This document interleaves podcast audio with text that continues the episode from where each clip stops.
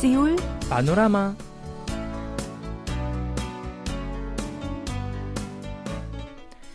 أيها الأصدقاء الأحباء السلام عليكم ورحمة الله وبركاته أهلا وسهلا ومرحبا بكم معنا مستمعينا الكرام في حلقة جديدة من برنامجكم اليومي سيول بانوراما. كيف حالكم اليوم؟ نتمنى أن تكونوا بكل خير.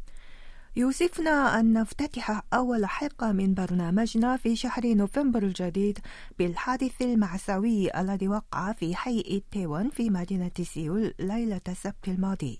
نعم وإذا هذا الحادث الذي نتمنى عدم حدوثه مرة أخرى. لا يسعنا إلا أن نعرب عن خالص التعازي والمواساة مع ضحايا الحادث وأسرهم. نعم. ويوم أمس الاثنين تم إنشاء عدد من مراكز التعازي المشتركة لضحايا حادث 81 في مختلف أرجاء البلاد. ومنذ الصباح الباكر من نفس اليوم زارها الكثير والكثير من المواطنين وكبار الممثلين لمختلف أطياف المجتمع من أجل التعبير عن التعازي والمواساة سائلين الله أن يرحمهم. وفي مركز التعازي المشترك الذي وضع في ساحة سيول الواقعة وسط العاصمة استمرت الزيارات التذكارية في جو مهيب وهادئ نسبيا. وحتى قبل بدء الحداد الفعلي كان حوالي عشرة مواطنين ينتظرون في الطابور بينما كان بعض المواطنين يمسحون دموعهم أو يجمعون أيديهم معا من أجل القيام بالصلاة في أثناء انتظار دورهم. وتم تنفيذ الحداد بطريقة يتقدم فيها شخصان أو ثلاثة إلى منصة المركز ويضعون زهور الإقحوان على المنصة ويستغرق الأمر عشرة ثواني تقريبا. مع بدء الحداد الفعلي في الساعة العاشرة من صباح أمس تدفق المواطنون على المراكز باستمرار بحيث بكى بعضهم ومسحوا دموعهم وهم يحرقون البخور.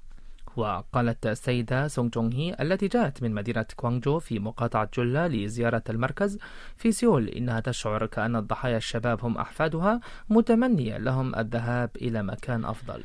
كما أعرب السيد تونغ جيوك الذي ركب أول قطار في مدينة بوسان لزيارة المركز بسيول عن الأسف الشديد وبصوت هادئ قائلا إنه قرر زيارة المركز في سيول لأنه شعر بأسف على اعتقاده في البداية بأن الحادث كان حادثا صغيرا في ملحى ليلي نعم أما المدرسة أما المدرسة جيونا في روضة الأطفال فقد زارت المركز ومعها عشرة أطفال وأعربت عن أسفها على ضحايا الحادث قائلة إنها كانت قد خططت لتنظيم حفلة لعيد الهالوين من أجل إتاحة الفرصة لأطفال الروضة للتمتع به ولكنها ألغتها بل زارت معهم المركز في ساحة البلدية.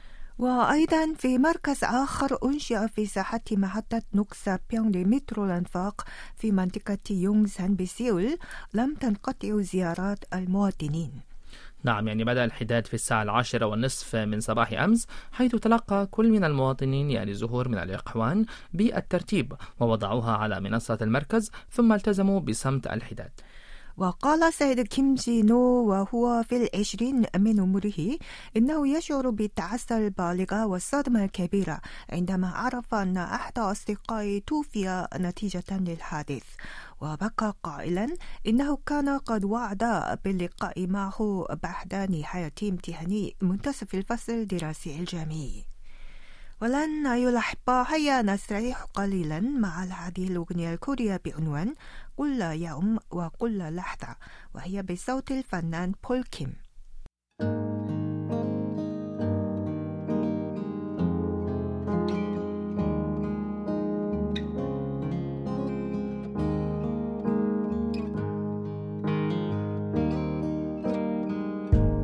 네가 없이 웃을 수 있을까 생각만 해도 눈물이 나. 힘든 시간 날 지켜준 사람. 이제는 내가 그댈 지킬 테니. 너의 품은 항상 따뜻했어. 고단했던 나의 하루에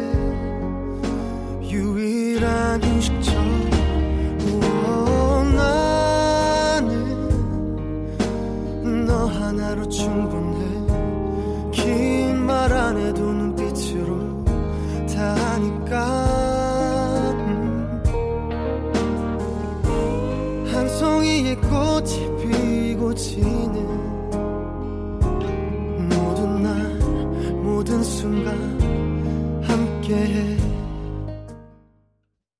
من المتوقع أن يحدث خسوف للقمر في هذا الشهر بحيث سيكون الخسوف كليا حتى يمكن رصده القمر أحمر اللون توقع المعهد الكوري لعلوم الفضاء والفلك أن يحدث الكسوف الكلي في الثامن من هذا الشهر عندما سيكون القمر محجوبا تماما بظل الأرض وسيكون بالإمكان مشاهدة خسوف القمر. هذا من خسوف جزئي. سيكون فيه القمر محجوب جزئيا بظل الأرض بحيث سيبدأ الخسوف الجزئي في حوالي الساعة السادسة والدقيقة الثامنة بعد ظهر نفس اليوم. ثم يبدأ الكسوف الكلي عندما يدخل القمر بالكامل في ظل الأرض. في حوالي الساعة السابعة ودقيقة السادسة عشرة مساء لينتهي في حوالي الساعة الثامنة ودقيقة الحادية والأربعين مساء. ولمدة حوالي 85 دقيقة من بداية الخسوف الكلي حتى الساعة الثامنة والدقيقة الحادية والأربعين مساء. ومن المتوقع أن يكون القمر يعني أغمق وأكثر احمرارا من المعتاد بسبب مرور ضوء الشمس عبر الغلاف الجوي للأرض. وبعد ذلك سيجري الكسوف الجزئي مرة أخرى حتى تنتهي جميع مراحل الكسوف في حوالي الساعة العاشرة ودقيقة الثامنة والخمسين مساء.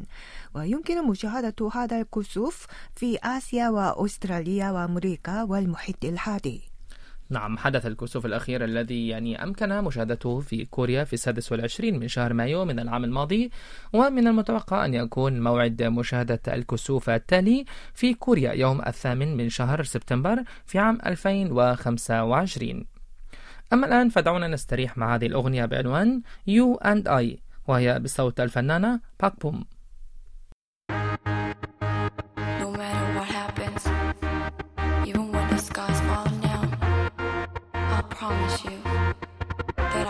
Let you go.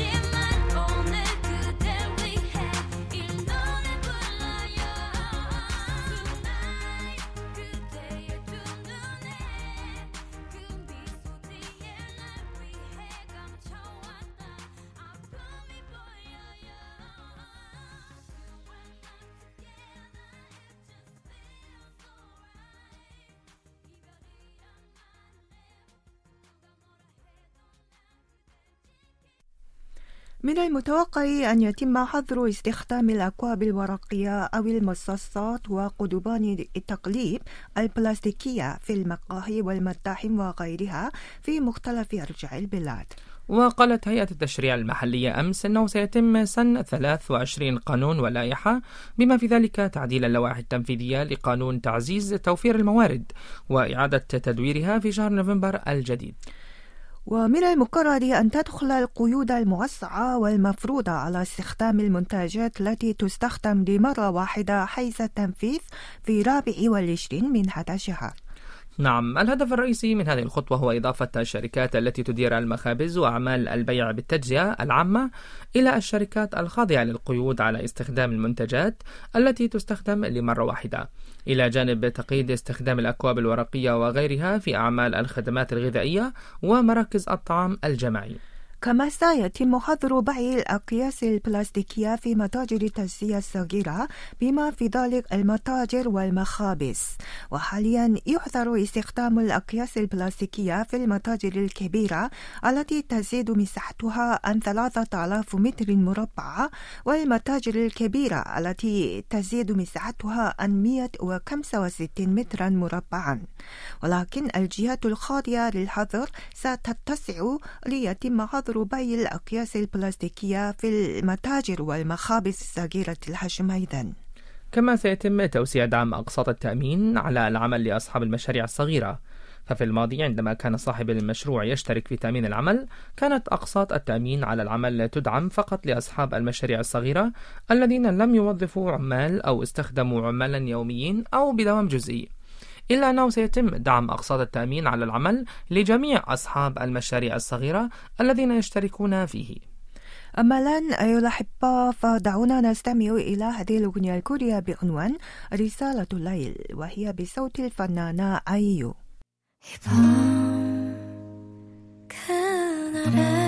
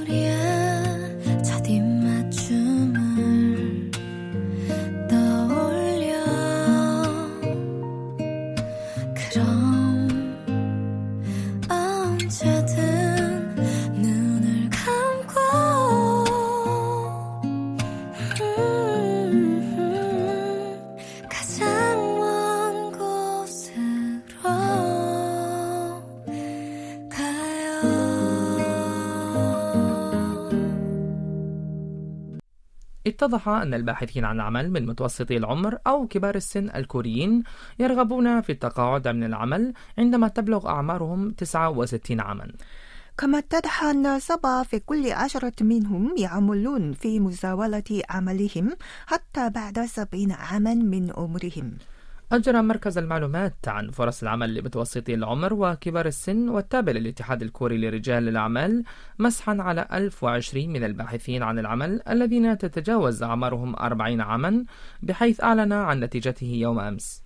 وتبين في المساء أن 73% منهم تقاعدوا من العمل تقاعدا غير طوعي وحول الأسباب في تقاعدهم أجاب 53% منهم بالاستقالة موسى بها أو التقاعد الفخري أو التسريح أو انتهاء العقد. كما أجاب 12% منهم بالركود في العمل أو وقف وإغلاق المشاريع. بينما أجاب 8% منهم بالتدهور الإداري الناتج عن جائحة كورونا ولم تبلغ نسبة المجيبين ببلوغ سن التقاعد الرسمي سوى 11% فقط. وتبين أن 37% منهم يقعون حاليا في حالة البطالة طويلة المدى لمدة أكثر من ستة أشهر. وحول أسباب رغبتهم في إعادة الحصول على فرص العمل أجاب 50% منهم بظروف اقتصادية بما في ذلك توفير تكاليف المعيشة أو مصروفات الجيب أو تكاليف تعليم الأولاد. كما أجاب 22% منهم بمتعة العمل و11% منهم بالحفاظ على الصحة و8% منهم بنقل معارفهم وتجاربهم المتخصصة. أما متوسط الرواتب الذي يأمل فيه هؤلاء عند إعادة حصولهم على العمل فقد بلغ مليونين وسبعمائة وثلاثين ألف شهريا أو ما يعادل حوالي 1950 دولار. وحول أكثر الخدمات التي يحتاجون إليها أجاب 32% منهم التوصيل بين الباحثين عن العمل والعمال بينما أجاب 21% منهم بتقديم المعلومات عن فعالية توظيف وفرص العمل. وأجاب 20% منهم بالتدريبات المهنية المرتبطة بفرص العمل و10% منهم بالتدريب على تعزيز القدرات على الحصول على العمل. كما أجاب ستة في كل عشرة من الباحثين عن العمل من متوسط العمر وكبار سن الكوريين أنهم يغيرون وظائف عملهم حتى تختلف عن مهنهم السابقة عند إعادة حصولهم على العمل. وحول الأسباب في ذلك أجاب 56% منهم بصعوبة في إعادة الحصول على العمل بمهنهم السابقة بسبب الحدود العمرية. 어디에서 부는지 던 문을 나무 أيها الأصدقاء الأعزاء هكذا نكون قد وصلنا إلى نهاية حلقة اليوم ونترككم مع هذه الأغنية الكورية بعنوان بارام أوديسو بونينجي من أين تهب الرياح وهي بصوت الفنان روشيد بول مرة أخرى نسأل الله أن يرحم ضحايا حادث إيتيوان وخلص العزاء لعائلاتهم وأحبائهم وشكرا لكم على حسن الاستماع وإلى اللقاء شكرا لكم وإلى اللقاء 고백에 덧난 그 겨울의 추억 아 힘겹게 사랑한 기억 이제는 뒤돌아갔으니. 바람은 또